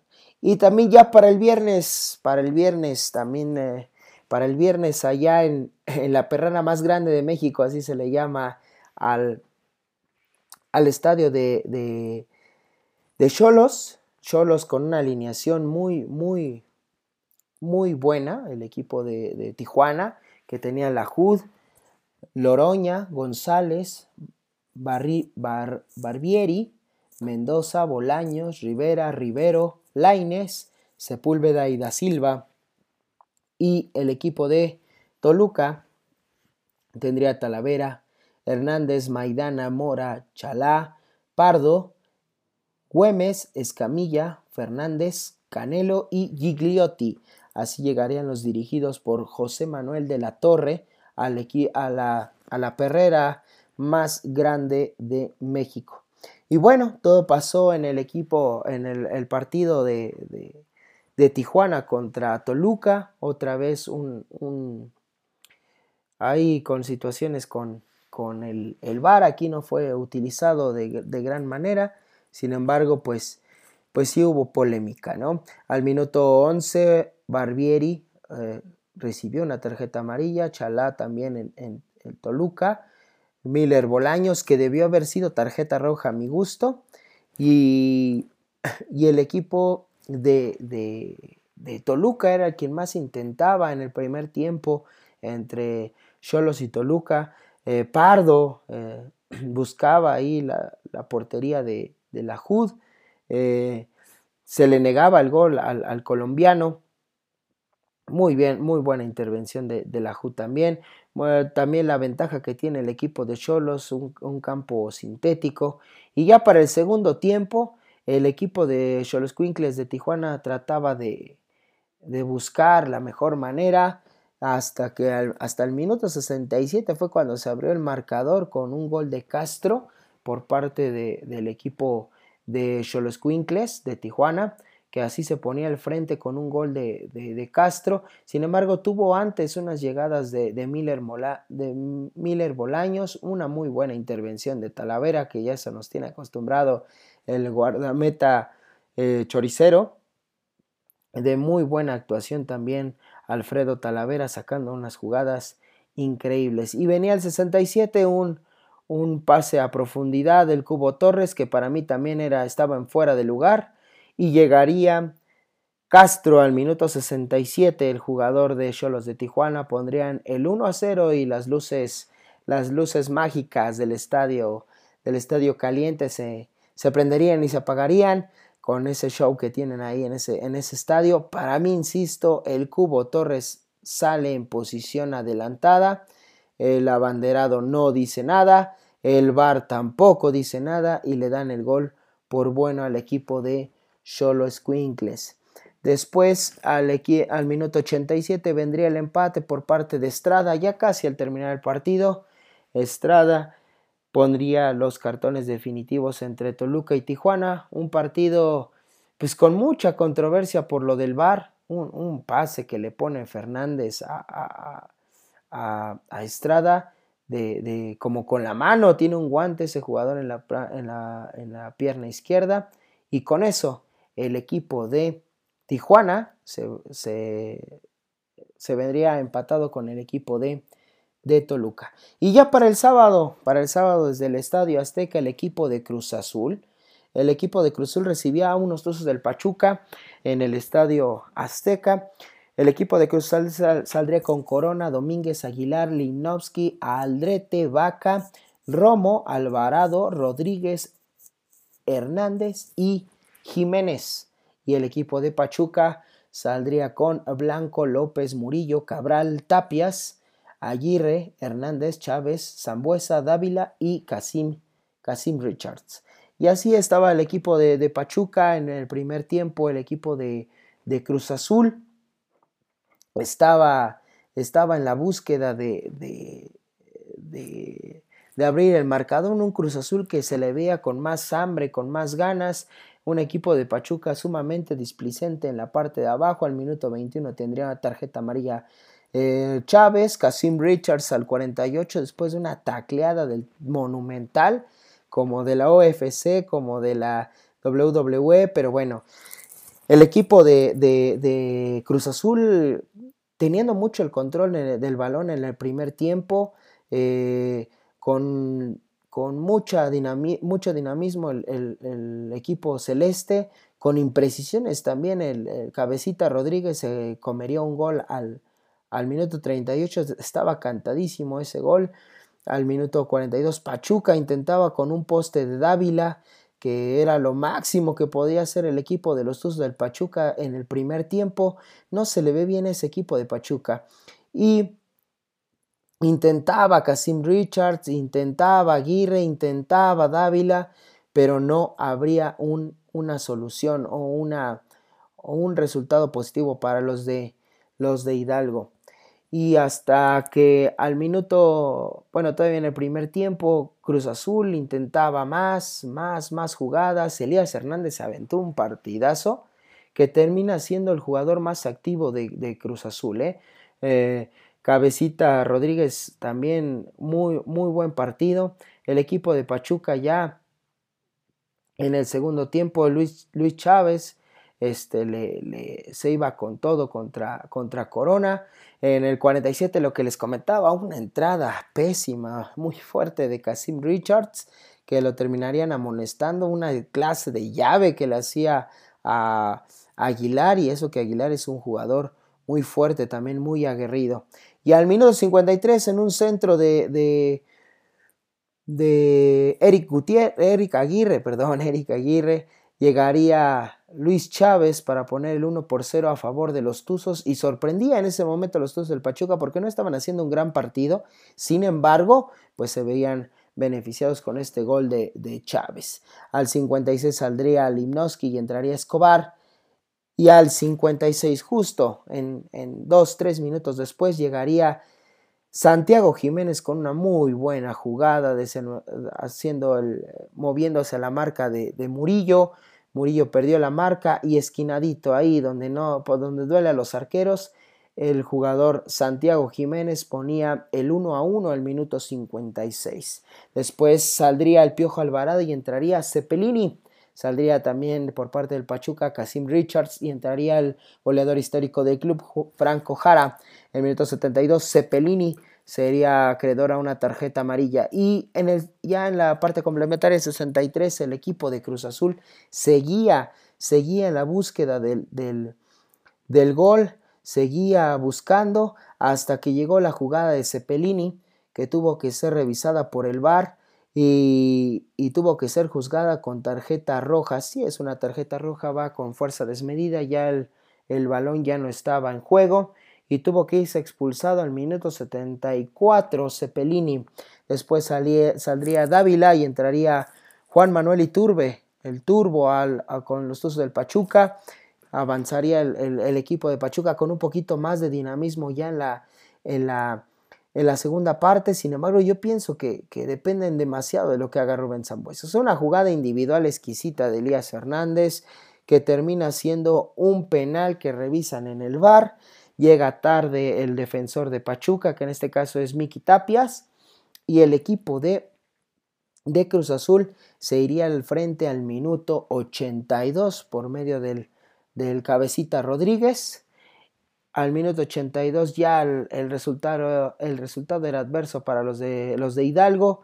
No se le veía por dónde al equipo de Pachuca y un equipo de Cruz Azul que no te perdona cuando tiene estas oportunidades. Ese penal era claro, sí llega tarde ya Miki Tapias, aunque después llega al balón, pero después primero se lleva al contrincante. Y después Escobar, Escobar entre las piernas de Alfonso Blanco, que insisto, el equipo de Pachuca le hace falta un portero, un portero porque Alfonso Blanco le queda muy grande el puesto de arquero titular, no rinde lo que tendría que rendir y el equipo de Pachuca da unas facilidades muy, muy, muy, muy, muy grandes.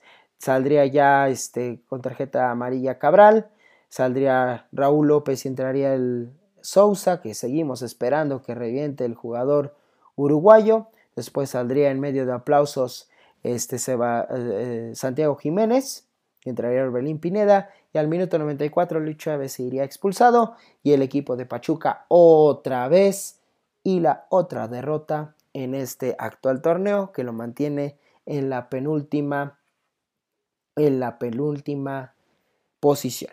Y ya para el siguiente seguimos en el sabadito, ya en la nochecita el equipo de Tigres recibía las Chivas Rayadas del Guadalajara, que se plantaba el equipo de Tigres con Guzmán, Rodríguez, Salcedo, Torres y Dueñas en la línea defensiva, Quiñones, Pizarro, Sierra y Fulgencio, un chamaquito de, joven que juega muy bien al fútbol, la verdad dio un buen partido contra las Chivas Rayadas del Guadalajara.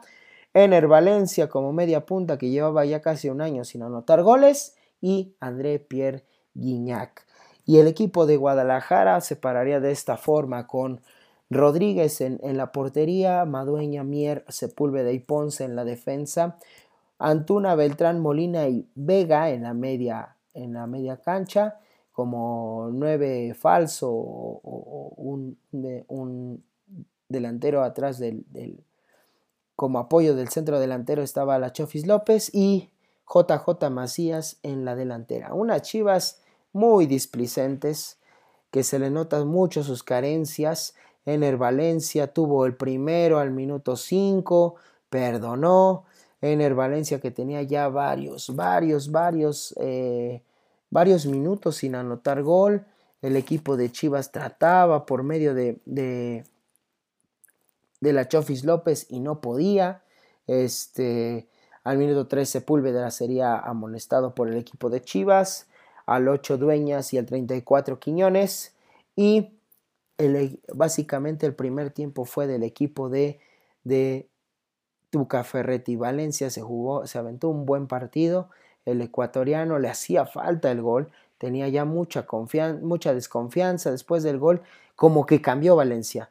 Eh, ya se le veía el, jugador que fue con los usos del Pachuca, el equipo, el jugador que fue en Inglaterra y el equipo al que llegó aquí a, a, Tigres. Y al minuto 51 en el Valencia pondría el, 1 por 0. Primero Guignac, un, disparo pues raso, desviado. André Pierre, este jugador que nunca se da por vencido y trata de, siempre jalar al equipo al equipo de Tigres. Y vendría Quiñones por la banda izquierda y daría el centro hacia Ener Valencia que sale en buena posición e incluso atrás de los defensas. Ponce lo dejó, se perdió totalmente y a Ener no le puedes dar dos metros de ventaja porque te va a comer, es un velocista. Al minuto 58, al minuto 58 el equipo de... de eh, se tendría que revisar una jugada en el bar. Eh, se tendría que, revisar una jugada en el bar al minuto 58 a favor de, de los Tigres, me parece, pero antes tuvo más opciones el equipo de, Tigres con un disparo de Fulgencio, eh, centro al área, un famoso penal que para mí no es, porque Guiñac creo que lo vende muy bien, lo checa el árbitro, va a checar en el bar, le saca tarjeta amarilla a Molina, pero antes de eso, Guiñac ya también estaba, estaba jalando al, medio de, de Chivas y eh, llegaría Guiñac de penal al minuto 61 a poner el 2, el 2 por 0. Llevaríamos dos goles, uno de Valencia al 51 y 10 minutos después André Pierre Guignac de penal. Después eh, Guadalajara haría sus cambios por saldría la Chofis López por Angulo, que él nada más entra a correr, correr, correr, correr, pero no genera fútbol a mi gusto. Tuvo una, una muy garrafal. Este, Oribe Peralta, que era el 2 a 1 y metía a las Chivas al partido. Era el minuto 69 y Oribe atacó mal la pelota, falló con, con el arco abierto, Nahuel había salido y bueno, él comentaba, pues le puede pasar a todos, pues sí, ciertamente, pero pues ya Oribe ya no lo veo con las mismas ganas, creo que está un poquito fuera de, ritmo. Y llegará el 79 minutos después del segundo gol, André Pierre Guignac después de una buena jugada por la banda derecha de Ner Valencia llegaría el francés para finiquitar este, este resultado y los Tigres, los Tigres de, el Tuca Ferretti se irían 3, 3 por 0 a, ante el equipo de Chivas. unas Chivas que no levantan, unas Chivas que compraron buenos jugadores, pero lo que le hace falta es conjunto, individualidades las tiene, no me queda claro, perdón, me queda muy claro, sin embargo, equipo le hace falta un mundo al equipo de Chivas. Y todavía tuvo su opción, Nahuel también sacó varias, Nahuel es un, es un portero muy confiable, el equipo de, Tigres estuvo para el cuarto gol el minuto 84, que Quiñones, que recién acababa de entrar Quiñones después de su lesión de rodilla, después de 6-7 meses de inactividad, llegaba para el, el, equipo de, de Tigres. Y con eso terminaría el partido y los Tigres, los Tigres del Tuca Ferriti ganarían y las Chivas siguen, siguen hundiéndose poco a poco. Muy bien, y seguimos al siguiente partido que también se jugó en sábado entre León y Monterrey. Un León que sigue jugando un fútbol exquisito, me encanta cómo juega León. Se parece que se conocen, se nota la mano de, Nacho Ambriz, los jugadores están contentos, juegan felices al fútbol, se nota cuando un equipo juega feliz al fútbol y se, y se, y se ve. Bien, pues bueno, el equipo de León saltaba de esta forma al campo. El equipo de, León salía con Rodolfo Cota, Burón, Vareiro, Tecilio y Moreno en la, en la defensa. En mediocampo Mena, Navarro, Montes y Meneses. Y en la delantera Sosa con Ramos. Ramos que cada vez se le ve mucho, mucho mejor. El equipo de, de, de León tiene un muy buen cuadro pero ni se diga el de Monterrey, que es Barovero en, la, en el arco, con Miguel Ayun, Medina, Sánchez, Montes y Gallardo, que era su defensa central, una línea de cinco. Después en medio campo estaría Celso Ortiz con, con González y Rodríguez. Y en la delantera estaría Dorlan Pavor con Funes, perdón, Dorlan Pavón con Funes Mori. Aquí déjense también de, los suplentes de Monterrey que, que, presentó este partido. Miren, nada más. Matías Craneviter, Maxi Mesa, Vincent Janssen, Rodolfo Pizarro ¿eh? y Ponchito González. Nada más. Qué, qué, qué, qué lujo se da el equipo de Monterrey tener este tipo de, jugadores en, su banca. Pero bueno, pues llegaría el gol. Eh, primero llegarían, tenía poca llegada el equipo de Rayados. Eh, se les nota un poco fuera de ritmo, se les nota cansados. Rodolfo Cota teniendo un buen partido. El equipo de, León también en la zona defensiva suele ser muy, muy sólido. El equipo de Nacho Ambriz también tuvo sus llegadas el equipo de León. el minuto 17 Barovero mandaba tiro de esquina después de un tiro de, de Chapito, ¿no es cierto? De Mena, perdón. De Mena llegaba a línea de, fondo y, tapaba Barovero para mandar al tiro de esquina. Después vendría un error garrafal de la defensa de León que pudo, pudo solventarlo Rodolfo Cota. Eh, un pase perdido ahí en medio, medio campo de, este muchacho chileno. Él eh, perdió el balón en medio, en campo. Ay, vaya sustote. Y Rodolfo Cota pudo solucionar esta, esta situación. Después vendría Ángel Mena con el centro, no llegaba Sosa, el, cachorro Montes sacaba.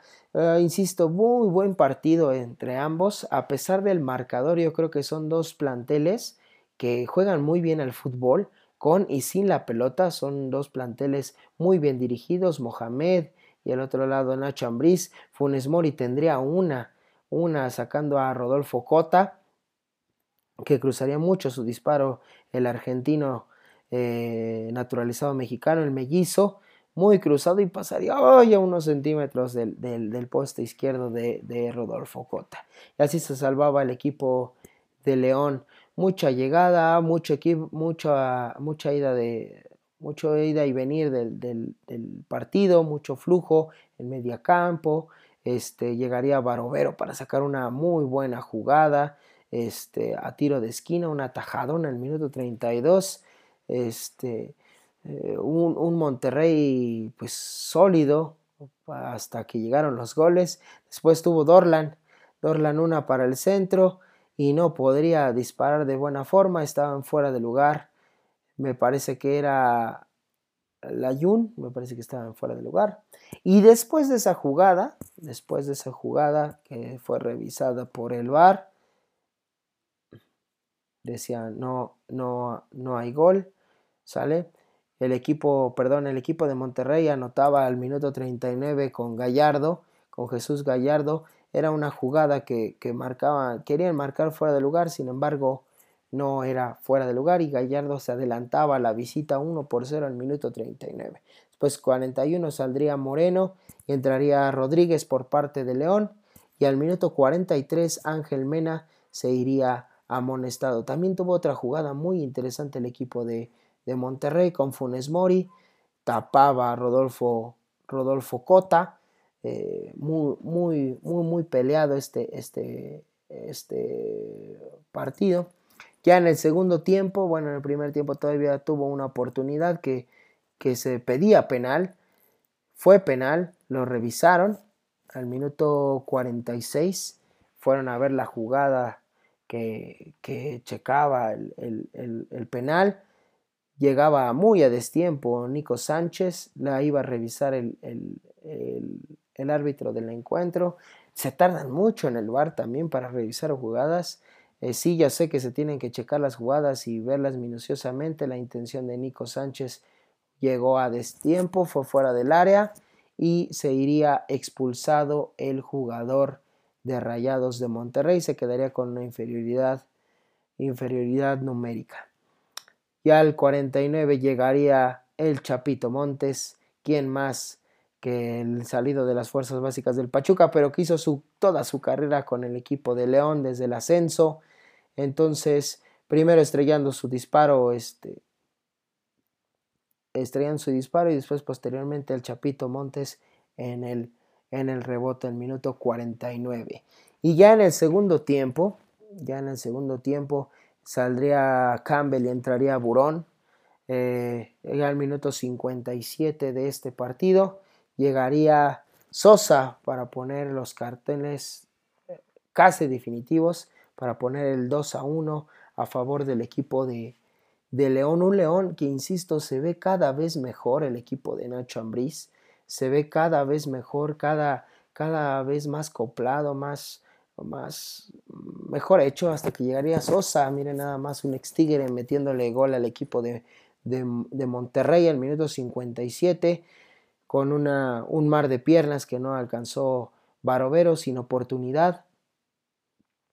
Una presión de Funes Mori que casi metía en problemas a Rodolfo Cota al minuto 65. Y ya para, para terminar el encuentro, al minuto 74, llegaría este, este muchachito otra vez. Luis Montes con una muy buena jugada sacando a Barovero y cruzando su disparo para tener el 3, el 3 a 1 definitorio entre León y Monterrey. Un Monterrey que no se termina de recuperar, un Monterrey que no, no, nos, no nos tiene acostumbrados a estos resultados a pelear, a, mostrar un poquito más. Después entró Rodolfo Pizarro y medio cambió el equipo. Eh, también veíamos videos en redes sociales de Rodolfo Pizarro metiéndose con la gente, cosa que ya veo este muchacho eh, fuera de lugar. Ya yo creo que la fama se le subió demasiado a la cabeza, que ha dejado de ser lo que era Rodolfo Pizarro. Ahora ya busca llamar la atención de otras formas, porque para mí eso es llamar la atención. Sí sabemos que vale 20 millones de dólares, pero no te puedes meter con la gente. Creo que la gente es la que te llena los estadios, es la que paga los sueldos de los jugadores. Entonces, pues no me parece correcto. Y Guillermo Vázquez, nos vamos ya para los partidos del domingo. Guillermo Vázquez llegaba a CU nuevamente con su ex equipo, los, los, los, los Pumas, a quienes dirigió. Y los Pumas se plantaban así en el campo de Ciudad Universitaria. Saldívar, Hermoso, Quintana, Vázquez y Mayorga en, la defensa, Barrera, Iniestra, García y Álvarez en medio, en medio campo y en la delantera Saucedo con González. Y el equipo de Atlético San Luis salía de esta forma. Con Rodríguez, Catalán, Escalante, León y Reyes en la defensa. Con Julio, Gallegos, Mayada, Macías en medio campo y de delantero Ibáñez y Berterame. Este era el 11 del equipo de, de, de Memo Vázquez.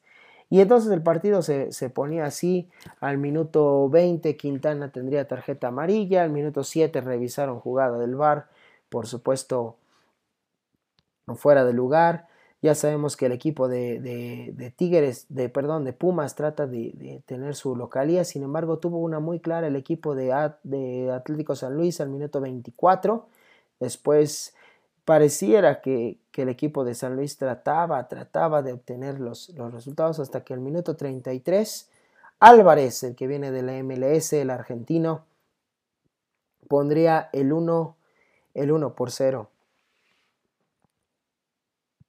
el 1 por 0 para, para la, causa, la causa Puma, una serie de rebotes y él está atento después de que el arquero Rodríguez sacaba un disparo, sacaba otro disparo y llegaría Álvarez para que al minuto 33 el equipo de Pumas ya se vería al frente en el marcador. Julio, el minuto 38, este, estaba amonestado, obtenía su tarjeta amarilla y para seguir los Pumas, las Pumas asfixiando al Atlético San Luis.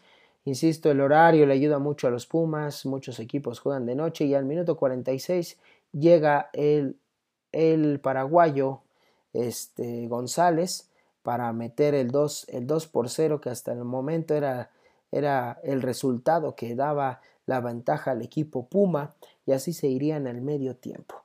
Después en el, en el segundo tiempo Macías saldría por Gutiérrez, al minuto 51 habría una, una, una falta que tendría que checar, que tendría que ir eh, este, el árbitro del encuentro a checarla en el bar.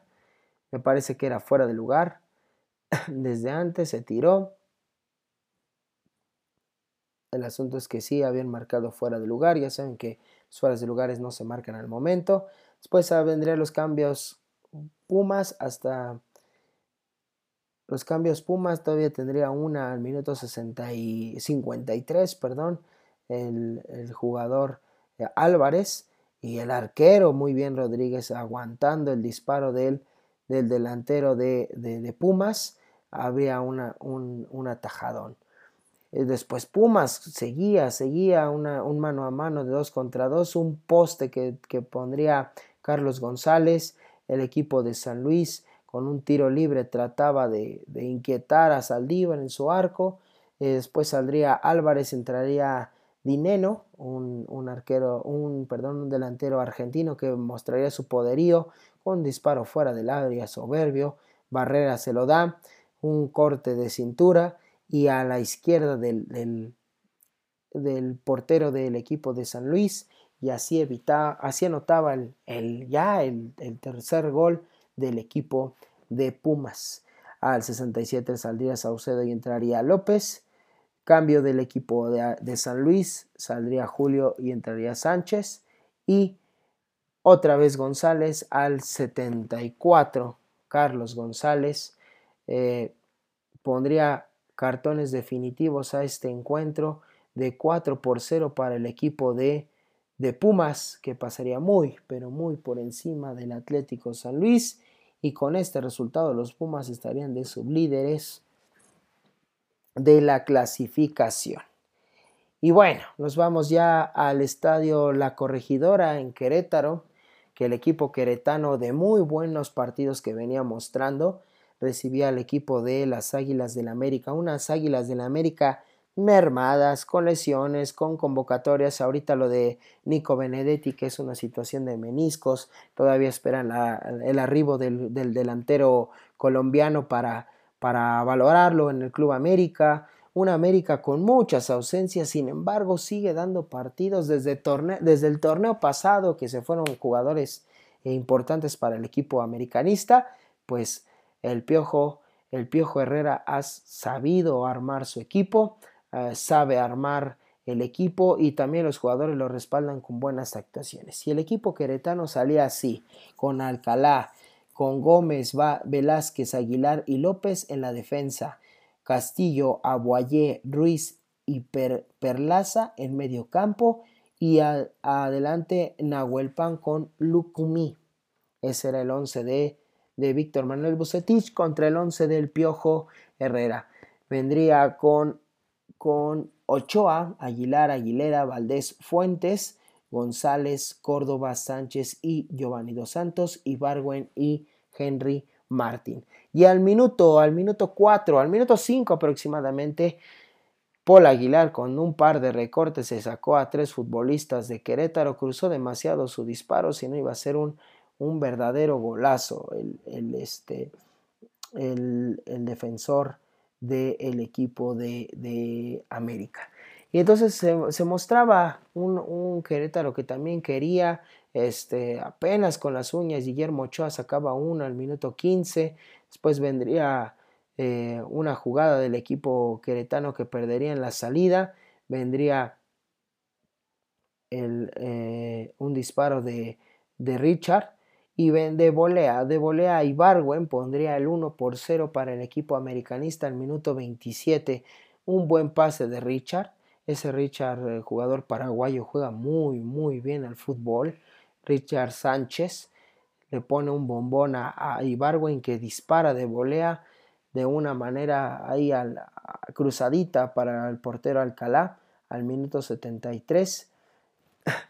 Después el equipo de Querétaro buscaría y buscaría y buscaría el, gol del empate y lo encontrarían eh, cerca ya a irnos al, al, en el inicio del segundo tiempo con Ariel Nahuelpan, una mala salida de Ochoa y Ariel Nahuelpan no es culpable de eso y va y lo busca y encuentra el 2, el, perdón, el 1 por 1 que emparejaba en ese momento en el primer tiempo todavía con el valor en el, en el tiempo agregado llegaría Ariel Nahuelpan con todo y su máscara a poner el 1 por 1 un jugador muy bueno Ariel Nahuelpan para mi gusto uno de unos jugadores de área.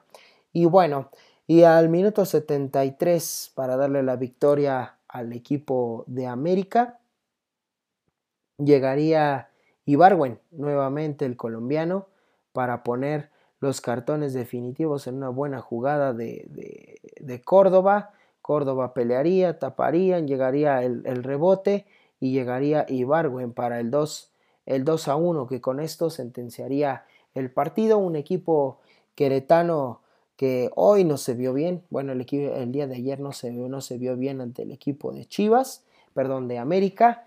Y, pues bueno, tuvo que tener, pagarla caro y perder el día, el día de ayer. Y por último, ya en la frontera de, Juárez, el equipo de, Gabriel Caballero se enfrentaba al de, el de Alfonso Soso, que alguna vez fueron compañeros en el club de fútbol Pachuca. Y el equipo de Juárez al día con Vázquez Mellado, Jiménez López Velázquez Romo en la, en la defensa, Zagal Rabuñal Intriago y Fernández en medio campo y Lescano y Rolán. Ese sería el 11 que mandaría Gaby Caballero. Y Necaxa, el equipo de, los hidrorrayos del Necaxa, saldrían con Gutiérrez, Noya, Alvarado, González Sandoval, en media cancha Delgado, Quiroga, Baeza y Arce, y en la delantera Chávez y Álvarez. Pues un equipo de, de Rayos del Necaxa muy displicente en su funcionamiento, no se le vio como en otros partidos, un poco más, más, este, más activo.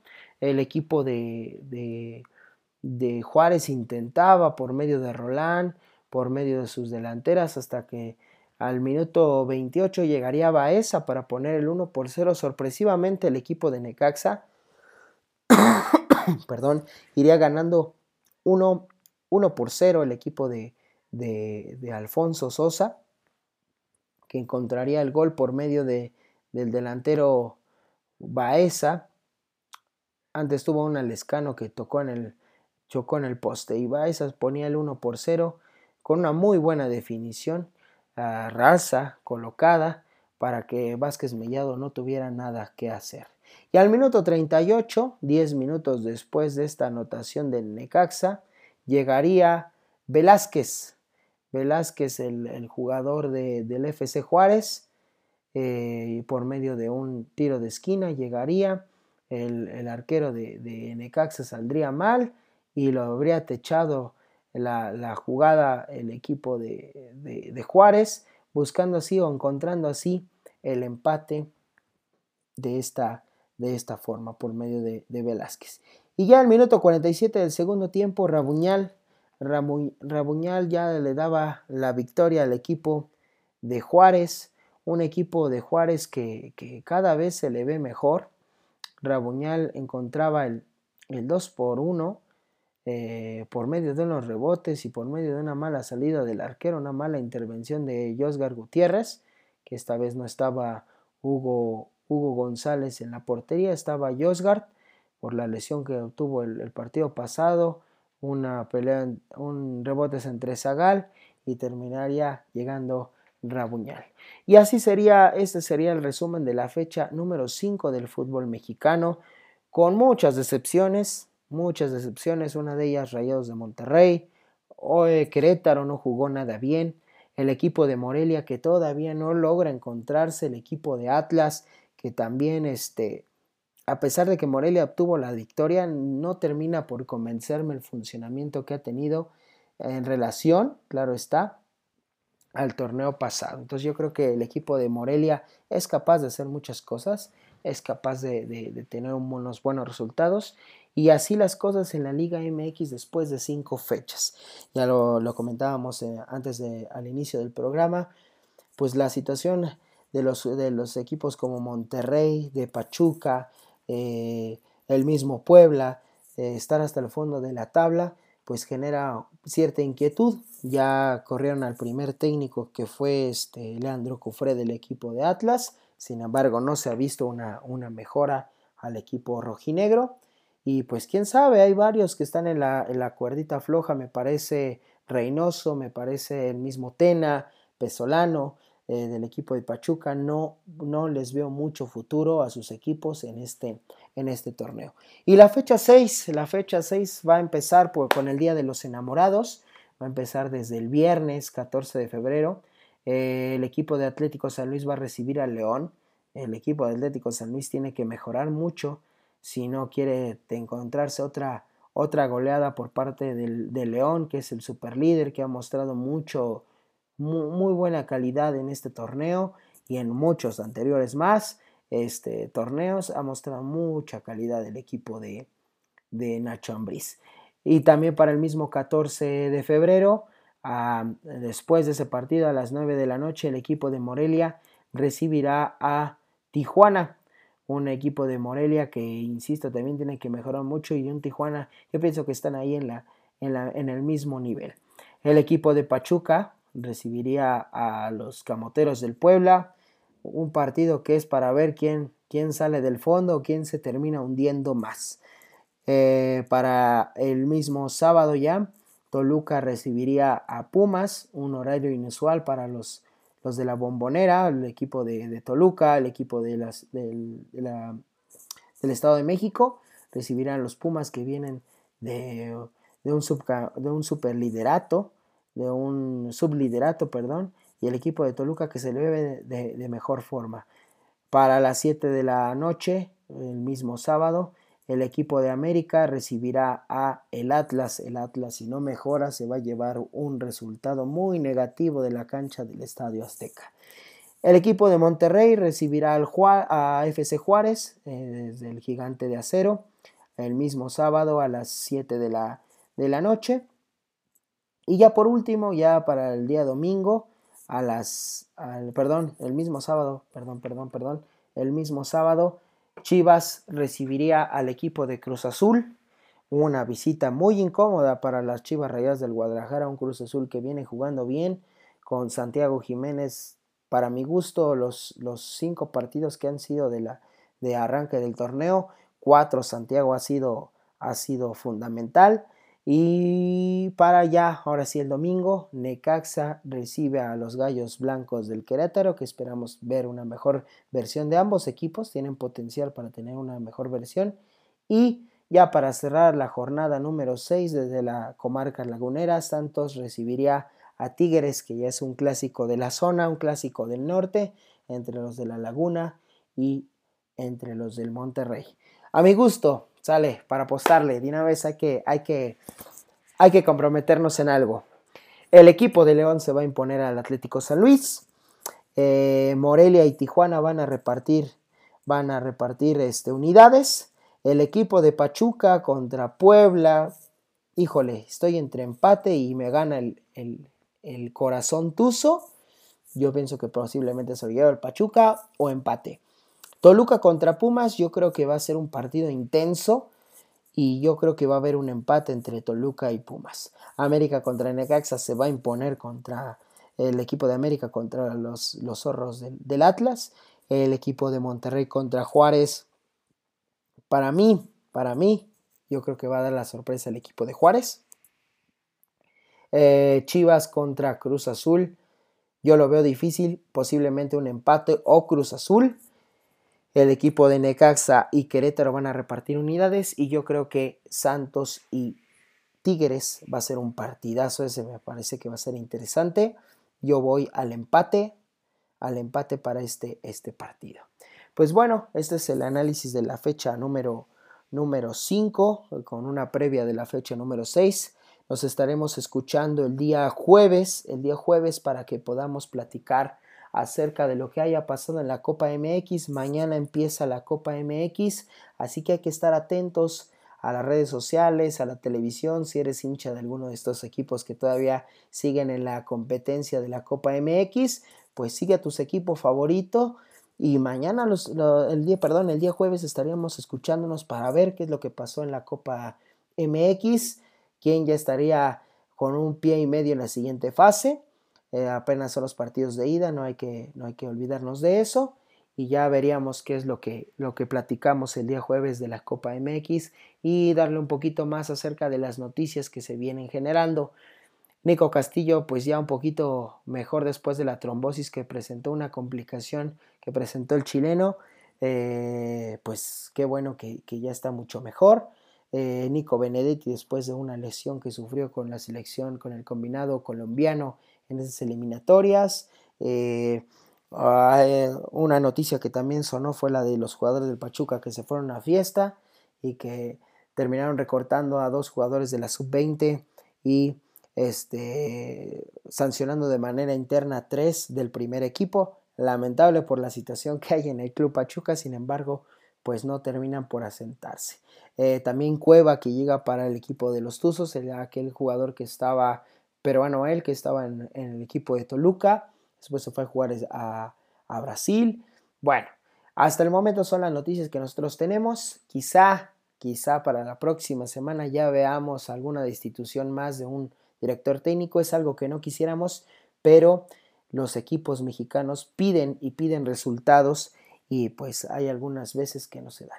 Pues bueno, me despido, que tengan muy buena tarde, noche, mañana, donde sea que nos escuchen en el carro, en la casa, en la oficina. Les doy, les mando un fuerte abrazo y espero les haya gustado este, este análisis. Nos vemos pronto, cuídense. Chao.